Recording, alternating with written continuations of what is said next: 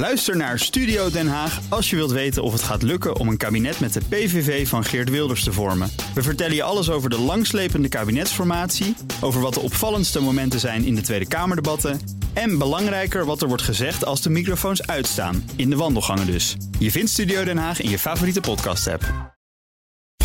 BNR Mobility wordt mede mogelijk gemaakt door ALD Automotive en BP Fleet Solutions. Today, tomorrow, together.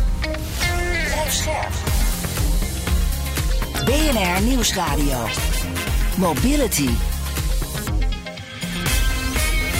Meindert Schut en Nout Broekhoff. Zonder twijfel is de uitrol van laadinfrastructuur een van de grootste uitdagingen voor de mobiliteitssector en de mobiliteitstransitie in de komende jaren. Ja, Nederland loopt eigenlijk al jaren voorop in Europa, maar dat is eigenlijk nog niet genoeg. En uh, van een Europees dekkend laadnetwerk, ja, daar kunnen we eigenlijk helemaal nog niet van spreken. Nee, maar als het goed is, gaat er een hoop veranderen en over, daarover en meer wordt gepraat op het congres Laat Infra in Rotterdam. Daar zijn we vandaag. Ik ben de dagvoorzitter. Voor de duidelijkheid, Nout, jij bent toeschouwer. Ja, ik zit hier uh, op de tribune. Ja, ja ik heb de eerste presentaties mogen aanschouwen. Ik was iets te laat, maar jullie begonnen ook te laat. Ja, natuurlijk.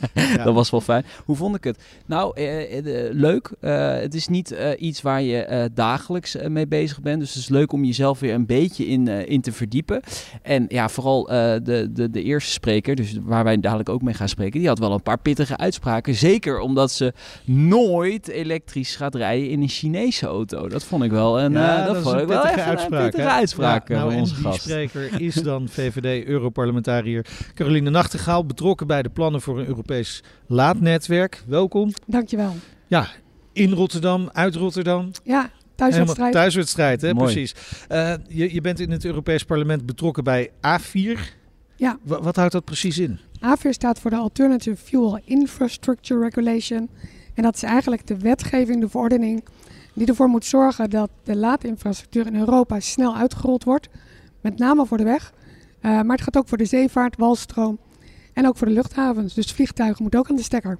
Maar elektrisch wordt dan gezien als een alternatieve brandstof? Uh, ja, ja, ja, alles wat, wat niet fossiel is, wordt ja. op dit moment gezien als alternatief. Uh, maar het is natuurlijk ook breder. Het is elektrisch, het is waterstof. Maar denk inderdaad ook aan e-fuels, ammoniak, methanol. Maar als je puur kijkt voor de weg, en zeker personenauto's, dan focussen zich dat echt op elektrisch rijden. Ja, het is wel een heel ambitieus plan, hè? Ja. Uh, dat realiseert zich men ook wel in Europa, in ja, Brussel? het is ongelooflijk ambitieus, maar we hebben ook een hele grote opgave met elkaar. We willen uiteindelijk in 2030 55% CO2-reductie. Uh, we willen uiteindelijk in 2050 uh, net zero. Ja. ja, en de transportsector in zijn totaliteit draagt gewoon echt in grote mate bij aan die CO2-uitstoot. Dus we moeten echt stappen zetten. Ja, elektrisch of waterstof. Waterstof toch met name voor uh, het grotere transport. Dus denk aan vrachtwagens, hoewel die ook wel echt op elektrisch kunnen. Uh, en de zeevaart zal ook wel waterstof. Maar in deze wetgeving uh, zit naast elektriciteit natuurlijk ook echt de waterstofkant. Er is een akkoord bereikt in Europa ja. eind maart. wat, wat is precies afgesproken daar? Er is afgesproken dat we tegen eind 27 om de 60 kilometer op de hoofdsnelwegen van Europa een laadstation is te vinden. En om de 200 kilometer een waterstofvulpunt. Dus dat is in het kort uh, als het gaat om die laadstations afgesproken. Om de 60 kilometer uh, laadpunt voor auto's. Ja. En om de 120 kilometer laadpunten voor trucks, voor vrachtwagens. Ja, klopt. Ja, ja dat is inderdaad hè, de belangrijkste uh, stappen die we gaan zetten met elkaar. Maar daarnaast vraagt natuurlijk meer. Want we hebben de laadinfra aan zich. Maar we hebben ook in um, deze wetgeving afgesproken dat betalen uh, makkelijker moet worden. Dus je moet ook kunnen betalen met je creditcard, uh, je pinpas, je telefoon.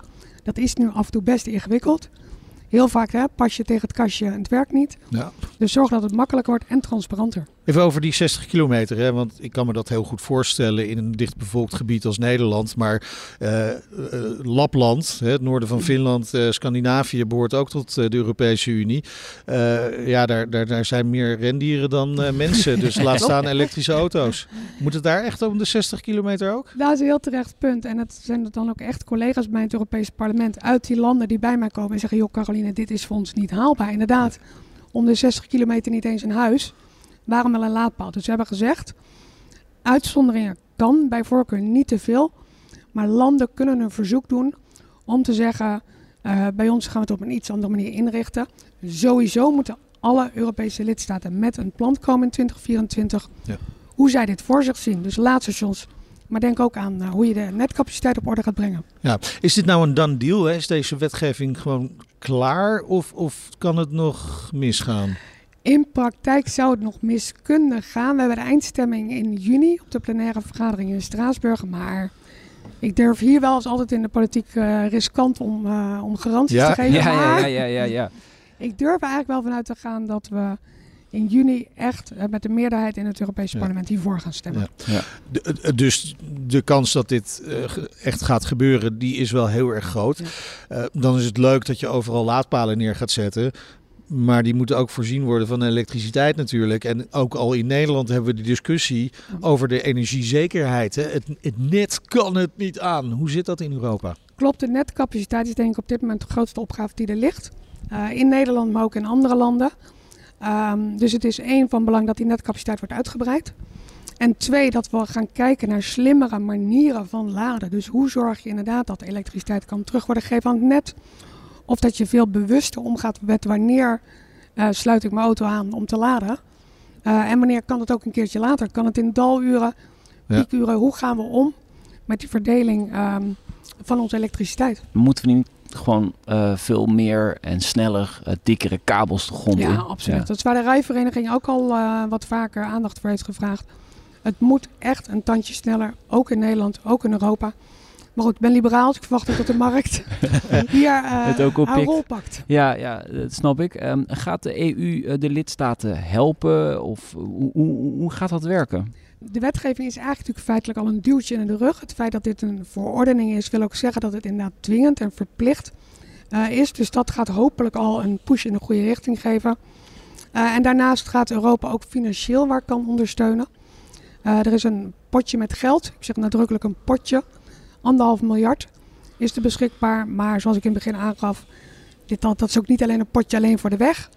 Uh, dat is ook voor de zeevaart, ook voor de luchtvaart. Dus dat is te weinig. Maar ook hierbij weer de markt. Hè. We hebben een minimum met elkaar neergezet. Dit is geen optimum. Maar dit is wel een eerste push ook voor partijen en bedrijven om hier aanspraak op te maken om het uiteindelijk uit te rollen. Maar er moet meer geld in die pot komen. Nou, de vraag is of uiteindelijk weer de overheid meer bij moet dragen. Of dat we zeggen op een gegeven moment wordt het waarschijnlijk ook, hè, nou ja, uh, economisch gezien op het moment dat je meer hebt, wordt het waarschijnlijk ook goedkoper. Uh, dus laten we ook daarvan uitgaan dat dat uiteindelijk de push geeft om dit echt te realiseren. Maar het kan zijn dat, dat andere landen in Europa meer geld nodig hebben dan bijvoorbeeld wij, want wij zijn een stuk verder. Wij zijn Hoewel het hier ook alweer knelt natuurlijk. Ja, als je natuurlijk kijkt in Nederland, wij zijn natuurlijk echt bij, bij de hoogste laaddichtheid van Europa, laadpalendichtheid. Dus dat zegt wel iets. Tegelijkertijd hebben wij hier ook nog wel wat te doen. Er zijn ook bepaalde regio's iets minder. Maar je ziet dat het gigantisch snel gaat. Ik sprak uh, gisteren met Shell. En die gaven aan dat wereldwijd elke 20 minuten een laadstation wordt geopend. Nou, wij zitten hier gezellig te kletsen. Er staat er al een. Dus een beetje dat. Ja. Alleen nog even weten waar. Daar heb je dan weer apps voor. Ja, precies. Ja. Nee, dus het tempo is giga ja, hoog, het, maar het is wel um, ook een kwestie van uh, dat het ook betaalbaar ja. moet zijn. Uh, het tempo ligt hoog en toch blijft 2027 een enorme uitdaging om dit voor elkaar te krijgen. De, denk je echt dat we in 2027 zonder al te veel zorgen van hier naar Rome kunnen rijden? En zonder al te veel planning? Ik, ik, hoop het. Ik ben zelf helaas ook ervaringsdeskundige dat je het net niet redt. um, maar wat je natuurlijk ook ziet, dat de elektrische auto's, de range wordt ook meer. Dus, ja. dus en de laadpalen ja. komen er zo meteen. En je ziet dat de elektrische auto's een enorme uh, slag uh, vooruitgang boeken. Dus daarmee zou het toch haalbaar moeten zijn om in ieder geval nou ja, laten we Zuid-Frankrijk dan maar pakken. Ja, ja precies. Tot, tot nog even over die Chinese elektrische auto. We begonnen er al heel even over. Want je was wel heel stellig van dat, dat uh, komt er bij mij echt niet in. Nee, maar dat is meer, die Chinese ook, daar zit natuurlijk meer een geopolitieke gedachte achter. Ja. We zien natuurlijk een grote mate van afhankelijkheid van China die we op een bepaalde mate niet moeten willen. Daar zitten risico's aan. Uh, we proberen steeds meer natuurlijk Europe Made ook te doen steeds minder die afhankelijkheid geldt ook voor Rusland te verminderen. En je ziet toch met die Chinese auto's dat alles wat erin zit en qua data en wat ze daarmee kunnen, dat vind ik gewoon een groot risico. Ja. Ik denk dat we daar heel terughoudend mee moeten zijn. Dus eh, ik ga toch liever voor de Duitse merken. Ja, maar goed, er zijn ook bijvoorbeeld van oorsprong Zweedse merken zoals uh, Volvo en Polestar. Ja, die hebben toch een hele belangrijke Chinese partner. En als we kijken naar uh, bijvoorbeeld Smart, hè, dat nu een, een, een partnership is tussen Daimler, Mercedes en, en Geely. Ontkom je er wel aan dat de Chinezen een hand aan het stuur hebben. Ja, ja, er zijn heel veel onderzoeken die zeggen de, de Chinese auto-industrie neemt Europa over over een paar jaar. Dus, uh... Ja, en dat vind ik oprecht een gevaarlijke ontwikkeling. Daarom is het ook goed dat er ook vanuit Europa wordt gekeken. Nou, hoe kunnen we eigenlijk een soort strategie opzetten, mm -hmm. waardoor we veel meer zorgen dat we in Europa, of het nou gaat om grondstof, of het gaat om mineralen, of het nou gaat uh, om producten, dat we toch veel meer Europe-made uh, proberen te doen om deze afhankelijkheid en de mogelijke risico die het met zich meebrengt. Rusland is natuurlijk het voorbeeld. Ik bedoel, het is heel erg dat we de oorlog nodig hebben in Oekraïne om bewust te zijn dat die energiediversificering dat die zo hard nodig is. Uh, en dat wil je eigenlijk voorkomen, ook met andere continenten en ja. landen. We hebben het uitgebreid over tekort aan laadpalen. Maar jij maakt je ook nog druk over een ander tekort. Namelijk het aantal vrouwen in de logistieke sector. Klopt. Dat aantal blijft uh, achter? Ja, je ziet dat uh, op dit moment 22 procent uh, in de transportsector is vrouw. Dat is natuurlijk echt een heel laag percentage. Dat is weinig, ja. Uh, en als je dan eigenlijk nog onderscheid gaat maken tussen de verschillende uh, vervoerstromen, modaliteiten, dan zie je met name de luchtvaart zit er maar op 2 of 3 procent. Het spoor doet het wat beter. Mm. Um, en er speelt nu in het Europese parlement een soort rapport wat gaat, hoe kunnen we nou die transportsector aantrekkelijker maken voor vrouwen? Ik ben altijd van het standpunt, ga niet werken met quota, maar hoe kan het dan wel? Uh, dus dat is de reden dat ik eigenlijk heb gezegd, jongens, we moeten echt, jongens en meisjes, ja, we moeten, ja, ja. we moeten iets doen uh, om dat te bevorderen. Uh, daar moet je stereotypen voor doorbreken, obstakels wegnemen, rolmodellen neerzetten. En ik heb dat op een bijzondere wijze gedaan. Ik heb zeven vrouwen die werkzaam zijn in de transportsector. Heb ik middels conversations ik heb ze in mijn auto, mijn elektrische auto, naar hun werk gebracht. Geen Chinezen? Geen Chinezen. Gewoon lekker Duits. Heb ik ze naar hun werk gebracht. Ja. Uh, en ben met hen het gesprek aangegaan van... waarom zijn jullie in deze wereld gestapt? Wat heb je nodig en hoe kunnen we zorgen dat uiteindelijk meer vrouwen... Ja. Uh, gaan werken in deze gave sector. Want een, ja, een vrachtwagen is ook gewoon een tooi voor de gulden. Ja, dat is ook zo. Maar is het onbekend, maar onbemind? Of, Absoluut. Uh, ja, ja. Dat speelt mee en toch ook een beetje al vanaf kinds af aan. Uh, in het onderwijs. Hè, dat, dat zij letterlijk uh, een dame, Helene, die voor de ANWB werkt, die zei ja, uh, kinderen worden automatisch, zijn meisjes in de poppenhoek, jongens Ja. bij de blokken. Ja. Zorg daar al mee, ook in het onderwijs. Maak leerlingen al veel, laat ze sneller kennis maken met ook technische beroepen. Ja. Dus het zit al aan de onderkant, kan je ermee beginnen, aan het begin. En laat dat vooral doorwerken en lopen. Maar, maar ik kan me ook wel iets bij voorstellen. Je hebt het over vrachtwagenchauffeurs hè, en die, die hebben ook die rusttijden. Nou, die parkeerplaatsen waar die af en Ja. toe moeten staan. het, het lijkt me voor een man al niet altijd even aantrekkelijk. Laat Broodje staan voor bal een vrouw. erbij. Ja, Ja. exact Ja. dat. Ja, dat ja. is overal Het is wel een stereotype beeld. Heel Maar erg. dat is ook zo. Ja. En daarom hebben we ook gezegd, ook in dit rapport heb ik ervoor gepleit, zorg voor veilige werkplekken. Ja. Ja. In meerdere opzichten, maar zeker ook als het gaat voor eh, veilige werkplekken langs de weg. Dat soort drempels moet eigenlijk gewoon worden weggenomen. Hetzelfde voor de loonkloof, kennen we nog steeds. Eh, mannen die meer verdienen dan vrouwen, is Europese wetgeving inmiddels voor. Maar dat zijn allemaal in mijn optiek obstakels die we moeten wegnemen en het voor vrouwen aantrekkelijker maken om te zeggen, joh, wat een gave sector, daar wil ik werken. Ja, en als we dan toch bezig zijn met de mobiliteitstransitie, dan past dit er misschien ook wel heel erg mooi bij. Hè? Absoluut. En we hebben gewoon Dat het hand in hand gaat. Ja, er- er is een heel groot personeelstekort volgens Daarom, mij. Ja, daarom. ja. Dus als- Tienduizenden chauffeurs zijn nodig. Die Dus ja, ja. Ja. Dus vrouwen kunnen het probleem oplossen. en die willen dat ook echt. Ja, je merkt het steeds meer. En dat was met die conversations en die verhalen eh, van die dames zo, zo goed om te horen. Dat Corina, de vrachtwagenchauffeur, zegt... Ja, ik geef af en toe eh, les op een school over te vertellen over wat ik doe. Ze zegt, en als na afloop twee jonge meisjes naar mij toe komen en zeggen... Dit wil ik later ook. Ja. Nou, dan is toch wel een missie geslaagd. Ja, zijn die conversations nog terug te zien ergens? Absoluut, Ja, ja? absoluut. Op YouTube en op mijn social media kanalen zijn alle zeven dames terug te zien. Zeker even kijken. Mooi. Dankjewel, Caroline Nachtegaal, VVD-Europarlementariër, over het netwerk van laadpalen in heel Europa. Gaat er echt komen? Eerst zien dan geloven. Dat is wel zo. Ja. BNR Mobility. We zijn dus uh, vandaag op het congres Laat Infra in Rotterdam. Een grote verandering die op stapel staat is de invoering van de zero-emissiezones in 2025. Zal echt wel een, een grote aanpassing vergen. Nout, jij hebt eigenlijk de proef al op de som genomen. Hè? ja, zeker. Ja, ik, uh, ik ben een week lang op pad gegaan met een hele grote elektrische bestelbus, de Movano E. Dus ik, ja, ik dacht, ik wil dat gewoon een keer zien in de praktijk. Hoe werkt dat? Ja, dus jij bent pakketjes gaan bezorgen van nou punt A naar punt B. Ik heb uh, een paar dingen gecombineerd. Ik, ik, ik, ging ook verhuizen, dus dat maakt het wel heel erg makkelijk om een keer te proberen natuurlijk, met al die huisraad achterin.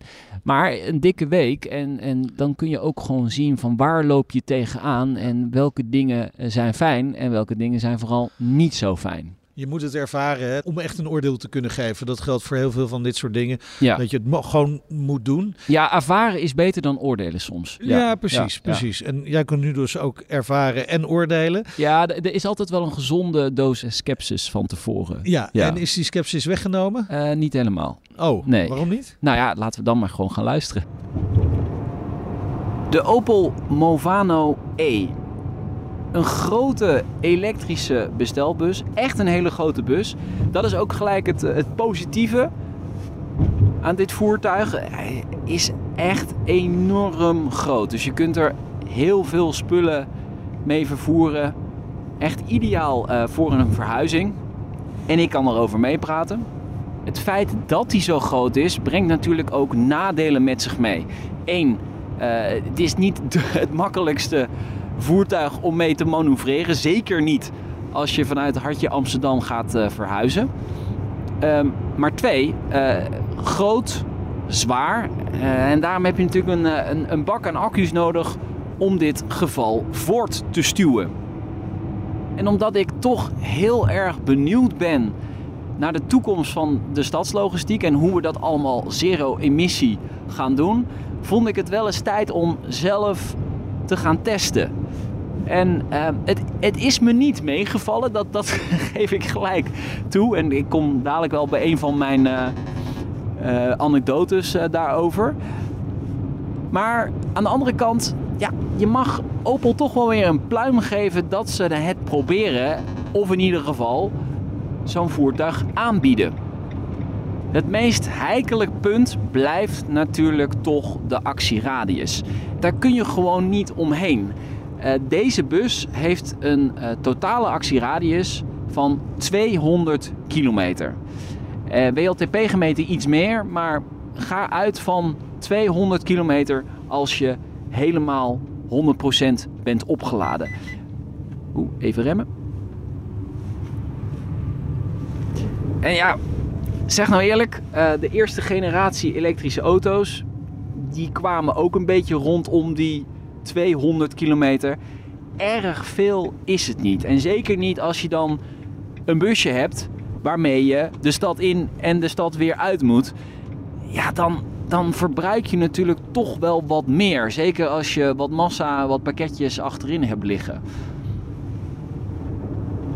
Aan de andere kant, hoeveel kilometer rijdt zo'n bestelbus, zo'n grote bestelbus nou op een dag? Is dat meer dan 200 kilometer?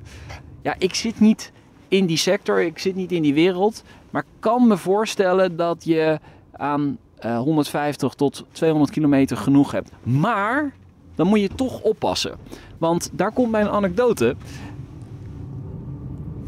Op een van de dagen dat ik ermee reed, had ik nog maar 25% range over. Ik wilde gaan snel laden, werkte niet bij Fastnet. Toen besloot ik toch maar weer terug te rijden naar huis. Ik was ongeveer halverwege. Ja, en toen ging het dus mis. Want als deze Movano E onder de 15% aan range komt, dan gaat hij piepen. En dan moet je echt oppassen. Vanaf dan geeft hij ook niet meer aan hoe ver je nog zou kunnen. En daar word je toch wel heel erg onrustig van. Zeker als je dan zo snel mogelijk naar een laadpaal moet die er niet is. En dus, ja, je raadt het al, ik kwam stil te staan. Eigen schuld? Uh, deels misschien. Ja, ik, het snelladen bij Fastnet lukte gewoon niet. kreeg geen stroom. Waarom, dat weet ik niet. Dat moet Opel maar even gaan uitzoeken. Maar misschien zat het ook nog niet helemaal in mijn mindset op dat moment. Ik dacht, ah, minder dan 25%, even snel laden. Het komt wel goed. Nee, dat kwam het dus niet. Overigens heeft Opel dat supergoed opgelost. Binnen no time stond er een trailer klaar. Daar is die opgezet. Bij de dichtstbijzijnde laadpaal neergezet. En uh, daar is hij gaan laden. Over dat laden gesproken. Snel laden, dat lukte dus niet. Zou wel moeten kunnen. Bij een gewone laadpaal, ja, dan heeft hij toch wel even tijd nodig om weer helemaal op 100% te komen. En dus is mijn tip: ga je zo'n grote bus rijden, zorg er dan voor dat je hem iedere avond in ieder geval inplugt, zodat je ochtends gewoon weer met 100% de weg op gaat. Doe het jezelf niet aan om met minder dan 50% en zeker niet minder dan 25% de weg op te gaan. Tenzij je natuurlijk zeker weet dat je kunt snelladen. En voor de rest is dit gewoon echt een super fijn voertuig. Heel veel power heeft hij niet. Maar ja, goed, uh, je gaat hier ook geen strepen mee trekken op het asfalt. Hij gaat prima vlot mee in het verkeer. Ja, en voor de rest zit eigenlijk alles erop en eraan. En je actieradius, ja, daar kun je echt niet omheen. Dat zie je continu in een display verwerkt in je binnenspiegel. Want ja, die binnenspiegel heb je verder toch niet nodig. Want ja, daar zie je niks door. Want je zit in een grote bus. Is dit nou de stadslogistiek van de toekomst? Ik denk dat nog een heleboel ondernemers wel een beetje koud watervrees hiervoor hebben. En ik begrijp het wel. Dit soort voertuigen moeten gewoon meer actieradius krijgen. Maar ja, goed, meer actieradius betekent meer accu's, zwaarder. Dus dat heeft ook weer zijn nadelen. Dus ik begrijp dat wel. Zolang dat niet gebeurt, wordt het toch een lastig verhaal, vrees ik. Ja, de Opel Movano E ja, dat viel dus toch niet heel erg mee, hè? Nee, zeker als je dan niet snel kunt laden met die bus. Hoe, waarom dat niet kon, ik heb vast net gebeld, ik heb Opel gebeld. Eh, het is niet, gewoon niet duidelijk waarom die stroom niet uitkwam. Maar het was wel op dat moment cruciaal om, om het wel te krijgen. En dan ga je terugrijden naar, naar je woonadres en dan, dan val je gewoon stil. Maar, maar kunnen we dan zeggen dat de markt voor de uh, transportbusjes, elektrische transportbusjes, zich nu ergens bevindt waar de elektrische personenauto zich, nou laten we zeggen, vijf, zes, misschien wel tien jaar geleden bevond. Zeker, 100 procent. 100 dat, dat uh, geef ik ook aan in, in de reportage. Het is, het is echt, uh, we gaan nog richting de 150, 200 kilometer. Het is gewoon niet toereikend. Ik zeg het nu gewoon tegen ondernemers, doe het alsjeblieft gewoon nog niet. Nee, nee maar nee. dit gaat voor ondernemers uh, voor problemen zorgen. Als, ze, als ze echt uh, wat afstanden en veel ja. moeten rijden. Ja, kijk, als je dus tussen de 100 of 150 kilometer moet rijden op een dag, dan, dan kan het ja. net. En dan, en dan moet je gewoon laden s'nachts, tenzij je snel kunt laden. Nee, het, het, dat maakt het echt heel erg lastig. Okay. Dus uh, ik, um, ik ben wel van een koude kermis thuisgekomen. Dus wat is er nodig om dit uh, alsnog van de grond te krijgen op een goede manier? Ja, de combinatie van factoren die al heel vaak benoemd zijn. Maar ja, je, je wil aan de ene kant meer aanbod, dat je Ja. meer te kiezen hebt. Je wil een grotere actieradius, maar dat is lastig. Want hoe meer eh, accu's, hoe meer gewicht, hoe zwaarder die bus wordt. Dus dat is ook niet echt helemaal goed. En je wilt die lagere prijs eh, Ja. van, die, van die auto's. Ja. Want op dit moment is een diesel ja, goedkoper. Werk aan de winkel, denk ik. Ja, dan, dat eh, echt wel. Ja. En daarom is dit ook een, een mooie dag, zo'n la- zo'n congres, om daarover te praten. En ook eh, na te denken over oplossingen. Dit was eh, BNR Mobility bij het eh, congres Laat Infra in Rotterdam. Het congres gaat eh, alweer verder, dus wij moeten op gaan ruimen. Ja. Je kunt de aflevering terugluisteren in je favoriete podcast-app, natuurlijk. Ja, abonneer je tips. eh, dan kun je natuurlijk mailen mobility.bnr.nl. Ik ben Meijnerd Schut. Ik ben Nou Broekhoff. Tot volgende week. Doei. BNR Mobility wordt mede mogelijk gemaakt door BP Fleet Solutions en ALD Automotive. ALD Automotive. Ready to move you. Ook Liesbeth Staats vind je in de BNR-app. Ja, heel handig. Luister live naar Kees en mij tijdens de Daily Move. Dan blijf je ook gelijk op de hoogte van breaking news en het laatste zakelijke nieuws. En daar vind je ook alle BNR-podcasts, waaronder de Perestrooikast. Download nu de gratis BNR-app en blijf scherp.